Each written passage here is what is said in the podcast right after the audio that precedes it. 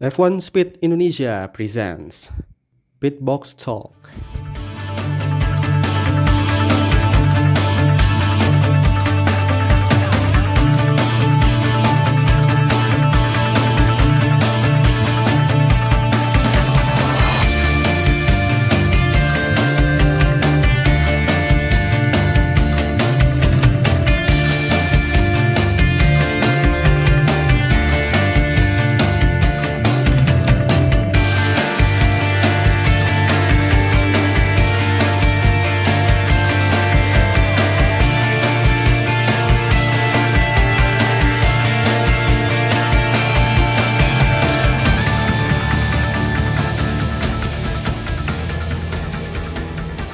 Oke, eh, selamat pagi, siang, sore, malam untuk seluruh speeders di seluruh Indonesia. Em, baik lagi sama gue Azim Amedi dan ada Ditya Mubtadiin eh, sebagai founders F1 Speed Indonesia.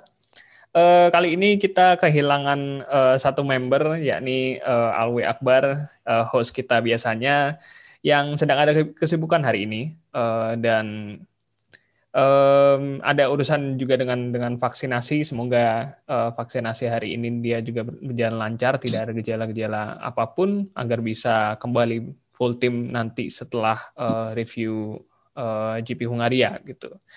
Um, ini kita ada beberapa poin-poin bahasan menarik nih ini sebelum uh, kita masuk ke akhir pekan balapan di Hungaria gitu. Um, ada berita nih dari FIA yang masih ini ya masih anget anget banget dibicarakan. Tapi sebenarnya ya agak-agak gimana ya sebenarnya udah udah case close juga um, pembicaraan uh. ini harusnya dengan um, penalti yang udah diberikan dan udah ada kejelasan juga dengan FIA tapi kayaknya nih Red Bull belum bisa move on kayaknya dari crash begitu. Jadi uh, permintaan reviewnya ditolak sama FIA itu gimana tuh Dit?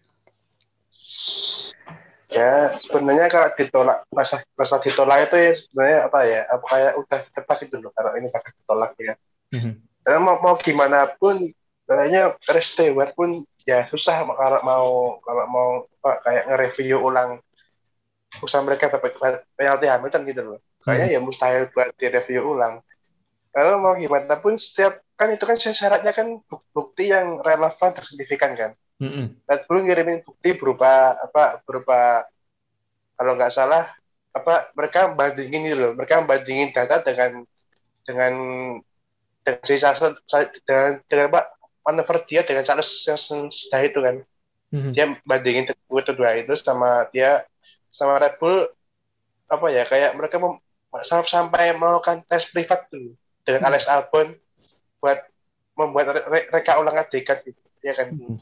yeah. buat, kayak reka ulang adegan Hamilton Hamilton di saat insiden itu gitu hmm. sampai segitunya ya mereka sampai membuat bukti-bukti gitu kan hmm. tapi ya mau gimana pun ya susah sih kalau buat Restewart buat merevisinya itu ya kan hmm. susah sih Uh, ya, uh, itu walaupun mereka juga udah mereka ulang uh, adegan bukan adegan ya, eh, insidennya gitu maksudnya mereka ulang adegan kayak film gitu. Uh, apa in, insiden dari situ itu juga katanya nggak nggak cuman dari nggak cuman uh, meminta Alex Albon buat masuk ke simulator dan uh, me mereka ulang adegan itu gitu, tapi, tapi katanya uh, dilansir dari Sky Sports ini ya, perlu juga yang dikoreksi sih kebenarannya apakah uh, waktu itu Sergio Perez pun juga juga diminta seperti itu gitu. Uh, simulasi. Di simulasi, eh di, di simulator. Tapi apakah uh, dengan di simulator itu bisa uh, apa ya? Bisa secara akurat gitu. Kadang kan agak susah menyamakan ke keadaan begitu. Nah emang apa intinya mereka intinya Red Bull kan mereka pengennya apa ya? Mereka pengen Hamilton Hamilton itu dihukum lebih berat kan? Hmm. Mereka intinya itu mereka merasa hukumannya 10 detik itu terlalu ringan kan mm-hmm. karena akhirnya kan si Lewis bisa menang gitu loh mm-hmm. bisa menang kan di akhirnya mm-hmm. berarti mereka berpikir itu gak adil kurang apa ya kurang berat gitu loh buat Hamilton mm-hmm. ya mhm. kalau dirasa apakah yang di semua bukti-bukti Red Bull itu bisa mengubah pikirannya Stewart mm-hmm. kayaknya sih ya enggak ya karena emang karena emang Stewart ini sudah melihat secara jelas gitu loh kalau mm-hmm itu sebenarnya mereka nggak mau nggak mau mempertimbangkan akibat dari insiden itu gitu. Mereka pengen melihat apa penyebabnya gitu loh ya kan. Penyebabnya hmm. itu ya ya udah Hamilton yang gol Verstappen udah itu aja. Hmm. hmm, hmm, hmm. Kalau masalah hukuman ya ya paling popoan dari dulu ya paling dan second ya kan. Hmm. Masalah keras-keras begitu. Kecuali sama kecuali yang Raikkonen dulu kan sampai drive thru kan. Karena memang yeah. itu dia memang salah, salah salah banget lah istilahnya. Hmm. Tapi kalau Hamilton ini kan apa ya ini kan ya res, bi res biasa ketika duel mm-hmm. nah itu kan apa ya kayak sebuah hal yang biasa itu di balapan gitu kan mm-hmm. sebuah hal yang biasa di balapan jadi ya mau gimana pun kalau misalkan istilah lain pun paling paling pol ya half second dan second penalti mm-hmm. kalau mau lebih berat lagi ya susah ya. iya itu uh, itu pun juga pas start kan iya iya benar-benar masih ringan pas start karena pas start pun juga uh, pasti pada rebutan track position gitu dan itu wajar uh. banget uh, ada insiden begitu dan uh, iya ya uh, gue pun setuju dengan hal itu. Um, ya yang yang menarik nih kom komentar dari Verstappen waktu di uh, press conference uh, hari hari kemarin. Uh, oh. dia dia bilang kalau dia dapat telepon dari Hamilton dan uh, merasa bahwa uh, selebrasinya uh, berlebihan gitu Um, ini ini apakah memang di, di briefing oleh Helmut Marko seperti ini gitu untuk bikin situasi tambah panas uh, atau gimana? Karena uh, apa ya?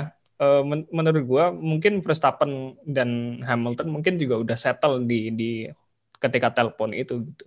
Sudah baik-baik aja. Hmm.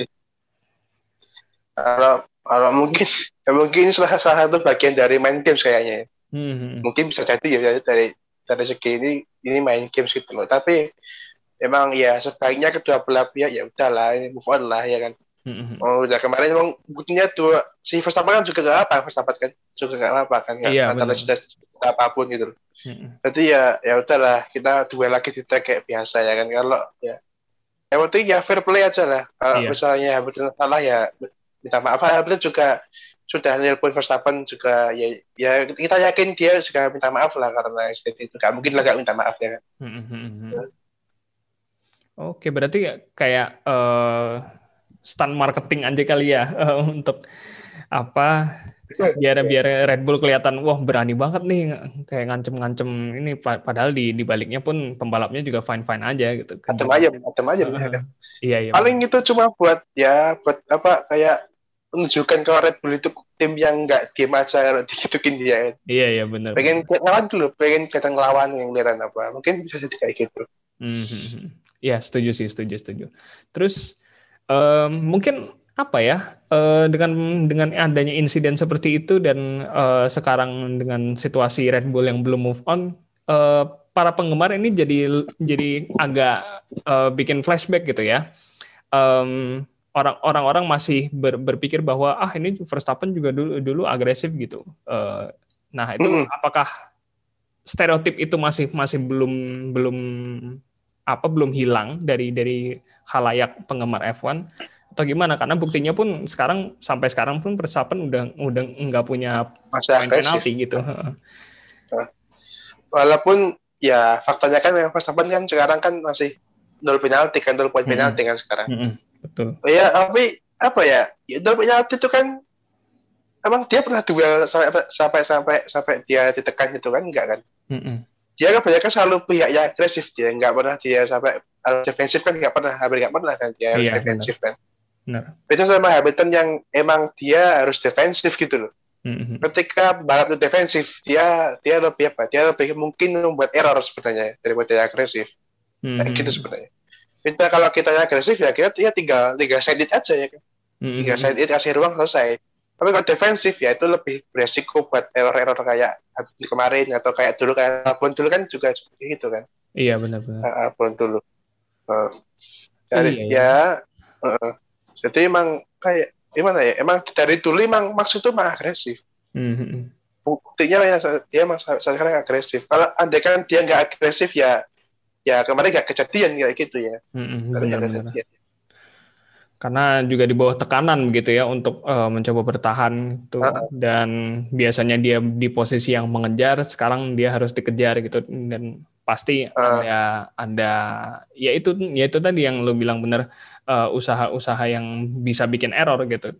Kan, dan Verstappen juga belum belum pernah ada di region seperti itu gitu. Sebelumnya pasti jarang jarang jarang banget. Sebelumnya pasti kayak ya udah karena beda strategi ya udahlah uh, biarin aja gitu kayak misalnya di Katalunya kemarin gitu kan. Uh, dulu Max pernah beberapa kali dia pas defensif dia buat error ya kan. Kayak hmm. dulu ketika lawan Raikkonen kan di Belgia ingat kan dulu pas yeah, defensif yeah. dia problem beberapa lawan Botas ingat banget di Italia dia nyenggol Botas karena hmm. moving under braking itu kan itu penalti juga kan dia iya yeah, jadi emang faktor faktor ketika pembalap itu defensif itu lebih apa ya lebih mungkin buat buat error gitu buat kesalahan ketika seperti itu hmm, hmm, hmm, iya uh, jadi keinget juga si si Vettel dulu itu kalau di, uh. defensif di di Italia Italia juga 2018 itu uh, sampai spin kan karena untuk uh, Lincoln Hamilton kan ya. Bener-bener. Oke lah itu ya. Tapi intinya memang ya Verstappen memang agresif secara gaya balap um, itu tidak hmm. akan tidak akan hilang. Tapi uh, nyatanya akhir-akhir uh, ini mungkin uh, sekarang udah jarang sekali dia terlibat insiden gitu. Oke, okay. um, nah ini uh, kemudian masuk ke poin interesting lainnya ini nih, yang menarik lainnya di di Hungaria. Um, katanya Ferrari sangat pede nih di Hungaria. Mereka merasa bahwa ini low speed nih, ini ini kekuatan kita. Ini kira-kira mereka itu kuat-kuat di sisi mananya? Apakah di downforce atau uh, apakah mereka punya grip yang bagus atau uh, nanti kira-kira bisa menang di long stint? Uh, VR itu mereka punya dua kotan ya. Yang pertama itu di suspensi. Hmm. Suspensi mereka itu apa ya? Dapat trek yang bergelombang kayak di Monaco atau di Singapura. Saya sekarang batal ya, saya ini batal ya. Hmm. Di Monaco, Singapura atau mungkin trek-trek yang kayak mungkin Austin gitu ya. Mungkin yang trek-trek yang apa ya? Yang treknya nggak rata itu ya bergelombang itu mereka unggul di situ. Hmm karena suspensi mereka bisa meredam meredam apa meredam namanya apa ya kayak kayak gelombang itu bisa diredam kayak suspensi mereka gitu. Oh. Yang kedua di race space, mereka kuat ya kan. Itu terbukti hmm. kan. Hmm. Ya Austria dua kali terus kemarin di Silverstone juga kuat ya kan. Hmm. Itu sudah terbukti. Nah, jadi memang kekuatan mereka ini ada dua itu. Oh, untuk low speed, sebenarnya Hungaria ini sekarang itu bukan low speed sebenarnya sekarang, ya kan? Sekarang ini kayak bukan mobil sekarang itu bukan low speed, jadi kayak sudah ke medium high gitu. Mm. Mobil sekarang ini, ya kan. Mm. Satu lap aja udah tembus satu menit 13 detik ya kan, jadi udah udah ini track udah terbang lah mobil kayak terbang. Iya benar-benar. Nah, kita kayak dulu mungkin masih kalau mobil kayak 2012 atau 2013 itu masih masih low speed, masih hmm. lambat bisa Tapi mobil sekarang kan dengan mobil sekarang ya jadi high speed, medium high speed. Jadi kalau dibilang Ferrari bakal unggul atau enggak, nanti kita lihat aja lah. Nanti lihat aja di free practice kayak gimana ya kan. Hmm. Okay, lihat okay. itu dulu. Karena emang apa ya? Kayak Ferrari ini ada anomali, ada kayak ada anomali gitu loh. Ya kan. Hmm. Kata-kata di ini jelek, kata-kata ini bagus bagus, bisa meyakinkan gitu kan. Iya, Jadi iya. emang saya itu pasti harus harus lihat di practice dulu ini gimana. Oke oke. Tapi kalau kualifikasi sendiri, apakah mereka bisa uh, apa ya me, memotong defisit gitu dari dari uh, misalnya dari McLaren gitu? Karena karena kan kalau kemarin-kemarin pun uh, mereka walaupun race pace-nya bagus uh, di kualifikasi mereka struggling. Kualifikasi. Gitu. Hmm. Itu ya, kira-kira. Itu sebenarnya tergantung ke Charles sebenarnya ya kan. Hmm. Hmm. Yang yang paling sering bawa Ferrari kualifikasi bagus kan Charles. Iya. Kalau saya mungkin mungkin ya agak-agak masih struggle lah di kualifikasi. Tapi untuk untuk kualifikasi Ferrari sejauh ini memang memang banyak dari balapnya sih. Ya. Kandelin hmm. Charles sih untuk kualifikasi. Tapi untuk pace natural mobil SD kan masih kurang kan untuk kualifikasi. Hmm. Ya mungkin mungkin dari settingan downforce settingan apa gitu mungkin diubah. Orang tahu sebenarnya problemnya di kualifikasi kayak gimana. Tapi mereka mereka emang kayaknya fokus ke race pace sih. Nah. Oh. Fokusnya ke balapan dari batu kualifikasi. Hmm. Udah kualifikasi udah balapnya aja kayak gitu. Balapnya aja ya jago. Oke oke, ini ada kayak seperti pemisahan strategi gitu ya untuk yang uh, kualifikasi karena Charles lebih unggul jadi yang di push Charles gitu. Uh, ya mungkin bisa jadi. Bisa jadi. Oke lah kalau gitu. Uh, tapi kita lihat aja nanti gimana apakah bisa mampu memotong defisit itu di kualifikasi. Uh, kalau di race pace ya memang ada optimisme sih. Uh, jujur uh, di di untuk Ferrari karena beberapa beberapa balapan mereka memang menang di long game-nya gitu. Um, ke kemudian untuk uh, di di Hungaroring ini sendiri, sendiri kan agak sulit nih buat um, buat nyalip paling di turn satu turn oh. dua gitu. Ini uh, kira kira-kira apa ya yang yang bisa jadi tempat uh, tempat buat nyalip para pembalap itu yang kira-kira bisa berani itu kira-kira di mana lagi ya selain di turn satu turn dua gitu. Turn satu turn satu turn dua terus dan 12 itu yang sebelum hairpin eh uh, sebelum hairpin yang sudah oh iya iya. Nah, ya setelah satu tengah itu kan ada tikungan sedikit ya sedikit tajam lah. Tajam banget tikungan 12 itu bisa sih. Tapi hmm. emang harus berani gitu. Harus hmm, berani. iya kalau enggak ya kalau nekat-nekat banget atau kepepet ya chicken bisa lah sebelum chicken ya kan? Iya iya bisa benar chicken atau sebelum sebelum blind counter itu ya yang sebelum blind spot counter itu kan mm-hmm. blind apex ya itu kan bisa kan itu agak urusan kan agak urus juga bisa kalau nekat ya kalau nekat bisa tapi kalau mobil sekarang ya itu sangat beresiko mm-hmm. sangat beresiko karena waktu yang di turn 12 tuh terakhir kan si Kimi Raikkonen tuh tahun 2016 apa ya? Uh, ngedrift itu. Ya? Nyalip. Iya, nyalip ya. nyalip ngedrift. Ngedrift kan. itu uh, itu penuh nyali banget nih dan kalau di mobil sekarang juga hampir impossible kayaknya untuk uh, uh. nyalip begitu. Tapi uh, konfigurasi yang paling tepat apa nih? Uh, kira-kira hmm, downforce downforce se seberapa krusialnya sih uh, di di apa di Hungaroring itu kenapa power itu nggak nggak terlalu dipandang padahal pun power juga bisa jadi momentum bagus buat uh, menyalip di turn satu turn satu sama turn dua tuh. Hmm, hmm. Karena memang itu kan pihak itu kan ya pihak itu kan dulu setelah etor tengahnya itu krusial tengahnya itu. Hmm. Ya, tengahnya kan kayak liuk-liuk gitu kan. Iya. Yeah ini sedikit hmm. kayak tikungan kayak dulu kayak apa ya banyak pernah ngomong itu ini sedikit kayak pembalap itu capek sih dia balap capek sih hmm. capek karena emang urusnya pendek kayak tikungan ya kan. Hmm. jadi balap kayak kayak udah musim panas kan udah sambar musim panas belum lagi sedikitnya kayak gini ya kan capek balap di sini. Tapi ya emang sedikit emang sangat sangat mengadakan turbo sebenarnya. Sangat sangat mengadakan turbo karena emang mm-hmm. apa ya tekurusnya agak panjang ya kan? Terus yeah. agak panjang. Cuma cuma kayak dua-dua aja kayaknya kan. Yang benar-benar proper urusan kan semua mm. selebihnya tikungan semua ya kan? Tikungannya pun bukan tikungannya biasa tikungan tikungan kayak atau yang panjang ya kan? Tikungan tikungan panjang itu loh kayak hairpinnya itu ya tiga hairpin kan iya iya ada tiga hairpin tiga hairpin terus di sebelah tengah pun juga itu sangat-sangat tricky kan? Di di game itu lumayan tricky sebenarnya kan? Game. Iya.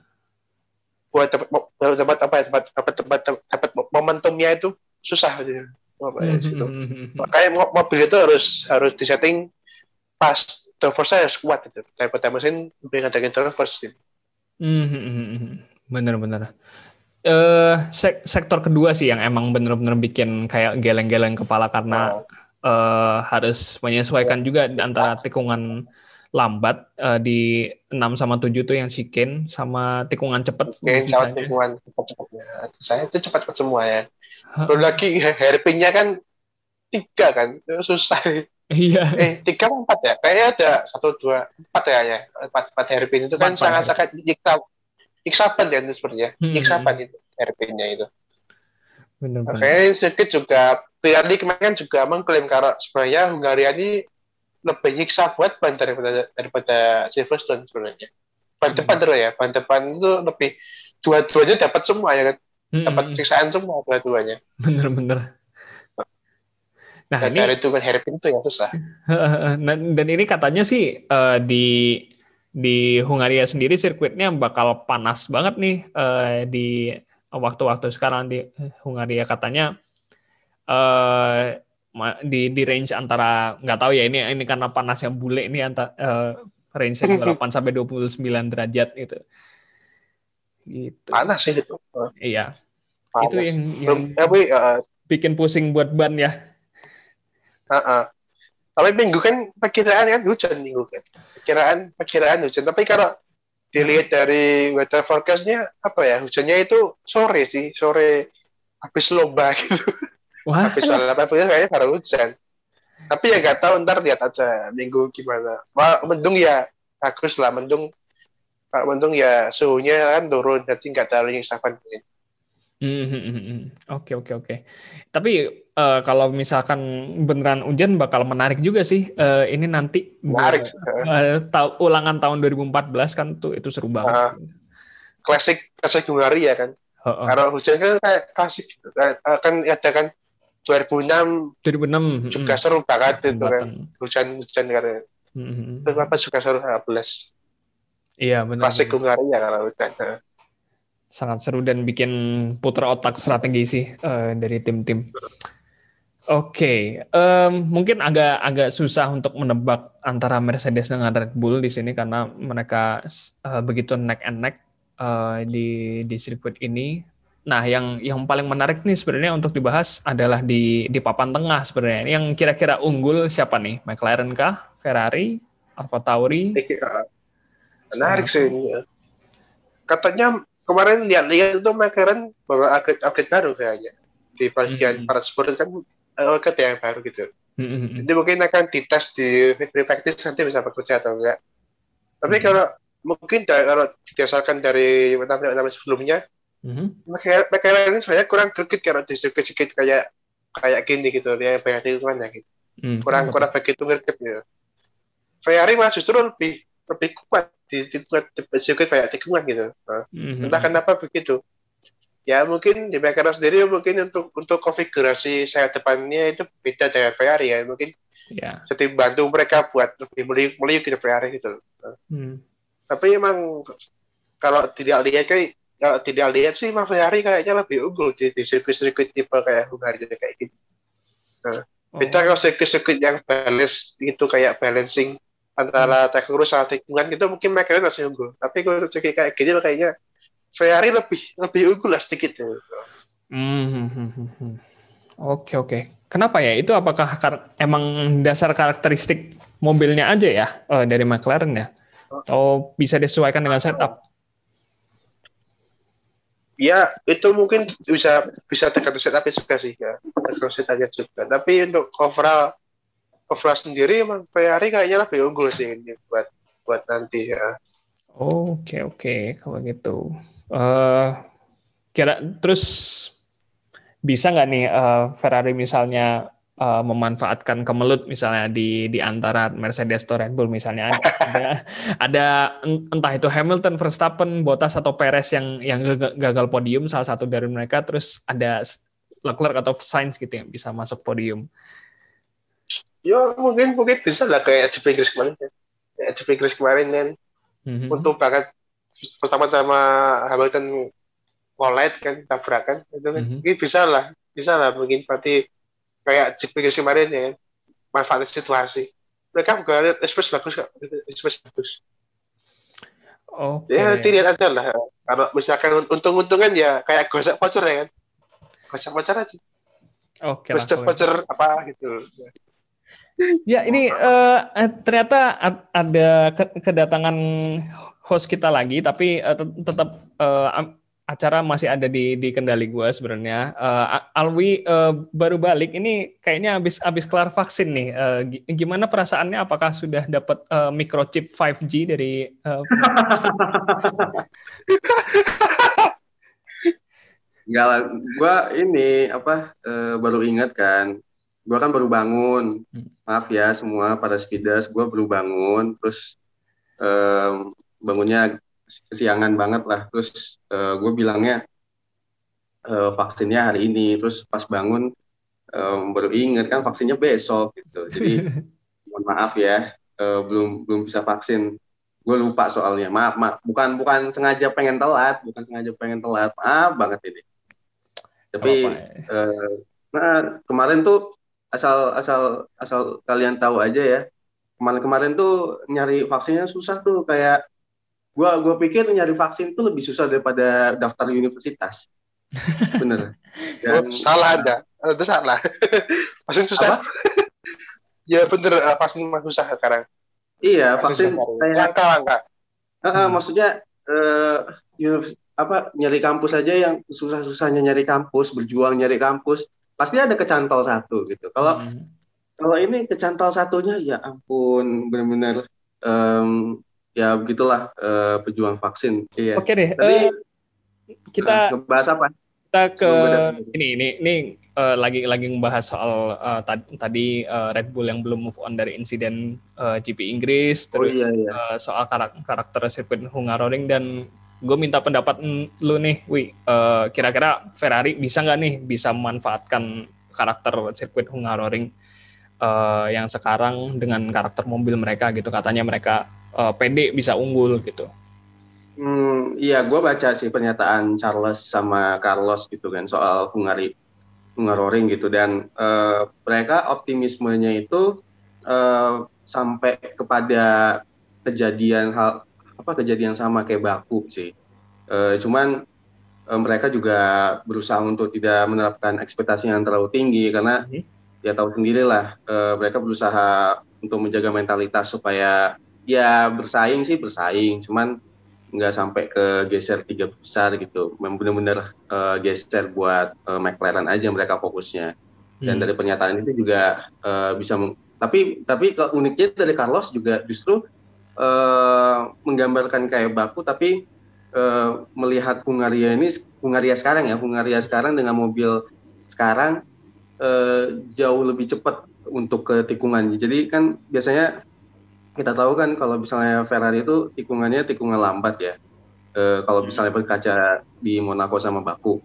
Cuman kan e, Hungaroring ini kan e, walaupun banyak tikungan tapi ya fast corner gitu dan hmm. ya itu bisa sama Ferrari. Cuman cuman e, dari Carlosnya sendiri bilang e, ya tetap aja beda sama yang sekarang gitu. Tapi ya itulah e, maksud gue e, ya ekspektasinya ya sans aja lah gitulah guys gitu para tifosi mungkin kasarnya kayak gitu cuman uh, untuk teknis sendiri kalau dari gue hmm, ya lumayan sedikit berharap lah sama Ferrari untuk mengulangi uh, di Silverstone gitu uh, asalkan mereka tidak membuat uh, kesalahan strategi gitu tapi gue rasa enggak janganlah ya maksudnya masa nggak belajar belajar dari dari dari yang um, menurut mereka ya pada saat mereka nggak stabil, let's say tahun 2020 kemarin gitu. Tapi ya lihat Silverstone sebenarnya bagus-bagus aja dan harus dipertahankan sama Ferrari itu. Hmm, oke. Okay. Uh, eh, kalau berbicara di Silverstone berarti uh, hanya bisa di long race ya? Apa apa lu bisa melihat bahwa kesempatan mereka uh, untuk punya kualifikasi bagus ada gitu? Um, kalau di kualifikasi semoga bisa comeback ya seenggaknya nembus Q3 gitu. Cuman ya mereka agak pede di uh, di race sih secara secara nggak langsung kalau menurut gua dari dari dua pernyataannya itu gitu. Cuma yang membedakan adalah di Carlosnya ini kayak gue bilang Carlos Carlos bilang uh, Hungaroring ini nggak nggak seperti kemarin-kemarin gitu. Ini dengan mobil yang sekarang pasti uh, keunggulan keunggulan Ferrari di tikungan ya pokoknya berbagai tikungan itu nggak nggak lagi sama gitu kalau bisa berpatokan dengan baku. Hmm. Oke okay, kalau gitu, um, ya uh, itu jadi poin-poin menarik yang uh, perlu di, diperhatikan juga nanti ketika menonton Ferrari berlaga di Hungaroring dan juga uh, jangan lupa bahwa uh, persaingan gelar juara juga belum habis. Uh, ini mau menuju summer break. Uh, kita lihat siapa yang bakal uh, finish di uh, ya lebih unggul di di ketika ketika paruh musim. Dan ini juga mungkin jadi titik uh, titik balik Mercedes mungkin ke untuk ke akhir musim bisa bisa menjadi dominan tiba-tiba atau Red Bull bisa konsisten di depan uh, who knows uh, mungkin terakhir nih uh, buat buat kita semua uh, apa ya yang bakal gue gue bakal kasih kategori-kategori. Pertama, siapa yang bakal jadi driver of the day uh, menurut kalian uh, yang bakal bersinar, siapa yang bakal flop, siapa yang bakal punya uh, apa balapan yang jelek di di uh, Hungaroring nanti dan um, itu sih dua dua dua itu aja. Ditya dulu kali. Driver of the, uh, driver of the day ya. Mm -hmm. Driver of the day, nah, gak susah sih ini kalau of the day ya kan.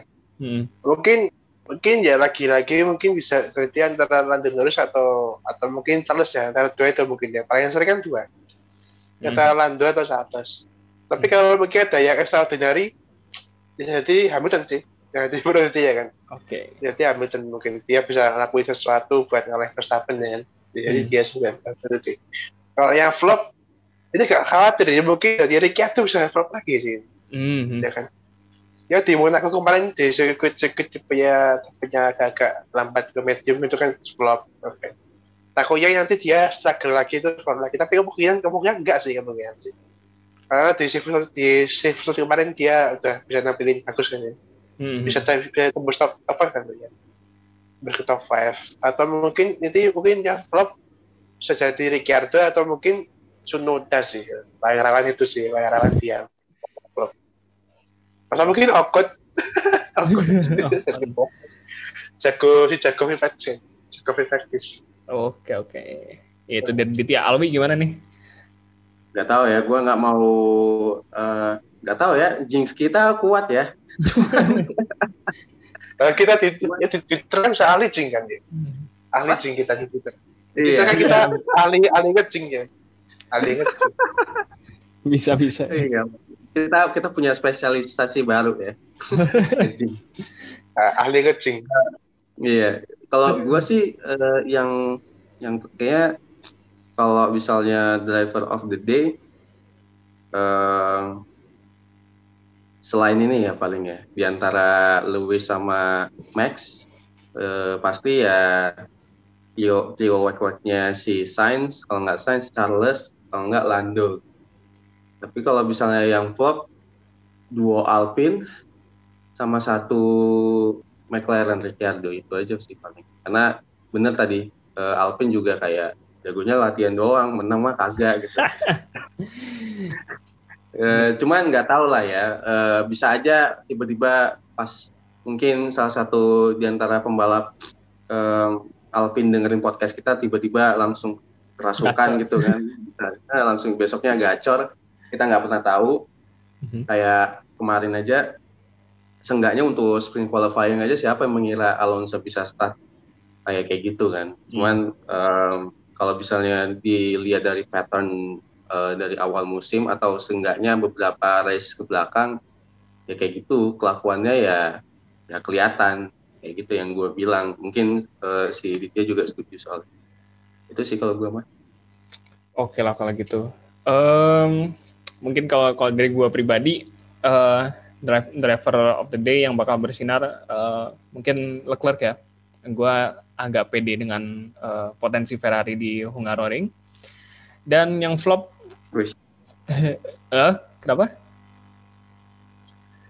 Yang yang yang flop sih si Ocon sih kalau uh, pendapat gue uh, gue gue setuju banget si uh, Alpine tuh performanya naik turun kayak kayak yoyo uh, di hmm. di beberapa race bahkan race-race terakhir sih dari Styria sampai sekarang. Jadi uh, apalagi Ocon pun juga ya benar-benar struggling ya setelah tanda tangan kontrak mungkin mungkin jinxnya ada di tanda tangan kontrak itu tapi ya kita kita nggak tahu. Um, gue gue pegang Ocon untuk flop nah, di weekend ini. Oke, kalau gitu uh, mungkin sekian untuk uh, episode kali ini. Uh, episodenya uh, agak agak singkat ya, uh, karena uh, tidak tidak banyak poin-poin uh, pembahasan yang yang kita kita bahas uh, karena kalau dari kemarin-kemarin Red Bull masih belum move on dan um, kita masih menunggu nih uh, siapa yang bakal lebih unggul di Hungaria. Um, jangan lupa ikuti kita terus di sosial media kita, Instagram, Twitter, uh, dan YouTube sekarang jangan lupa kita sudah konsisten uh, mengupload. Jadi uh, tetap dukung terus dengan cara subscribe uh, dan tonton video-video kita agar uh, kita kita bisa makin semangat untuk berkonten di YouTube. um, itu saja. Jangan lupa sosiabas juga uh, agar uh, ada sumber daya yang, yang mumpuni. Uh, baik, itu itu saja. Speeders, terima kasih.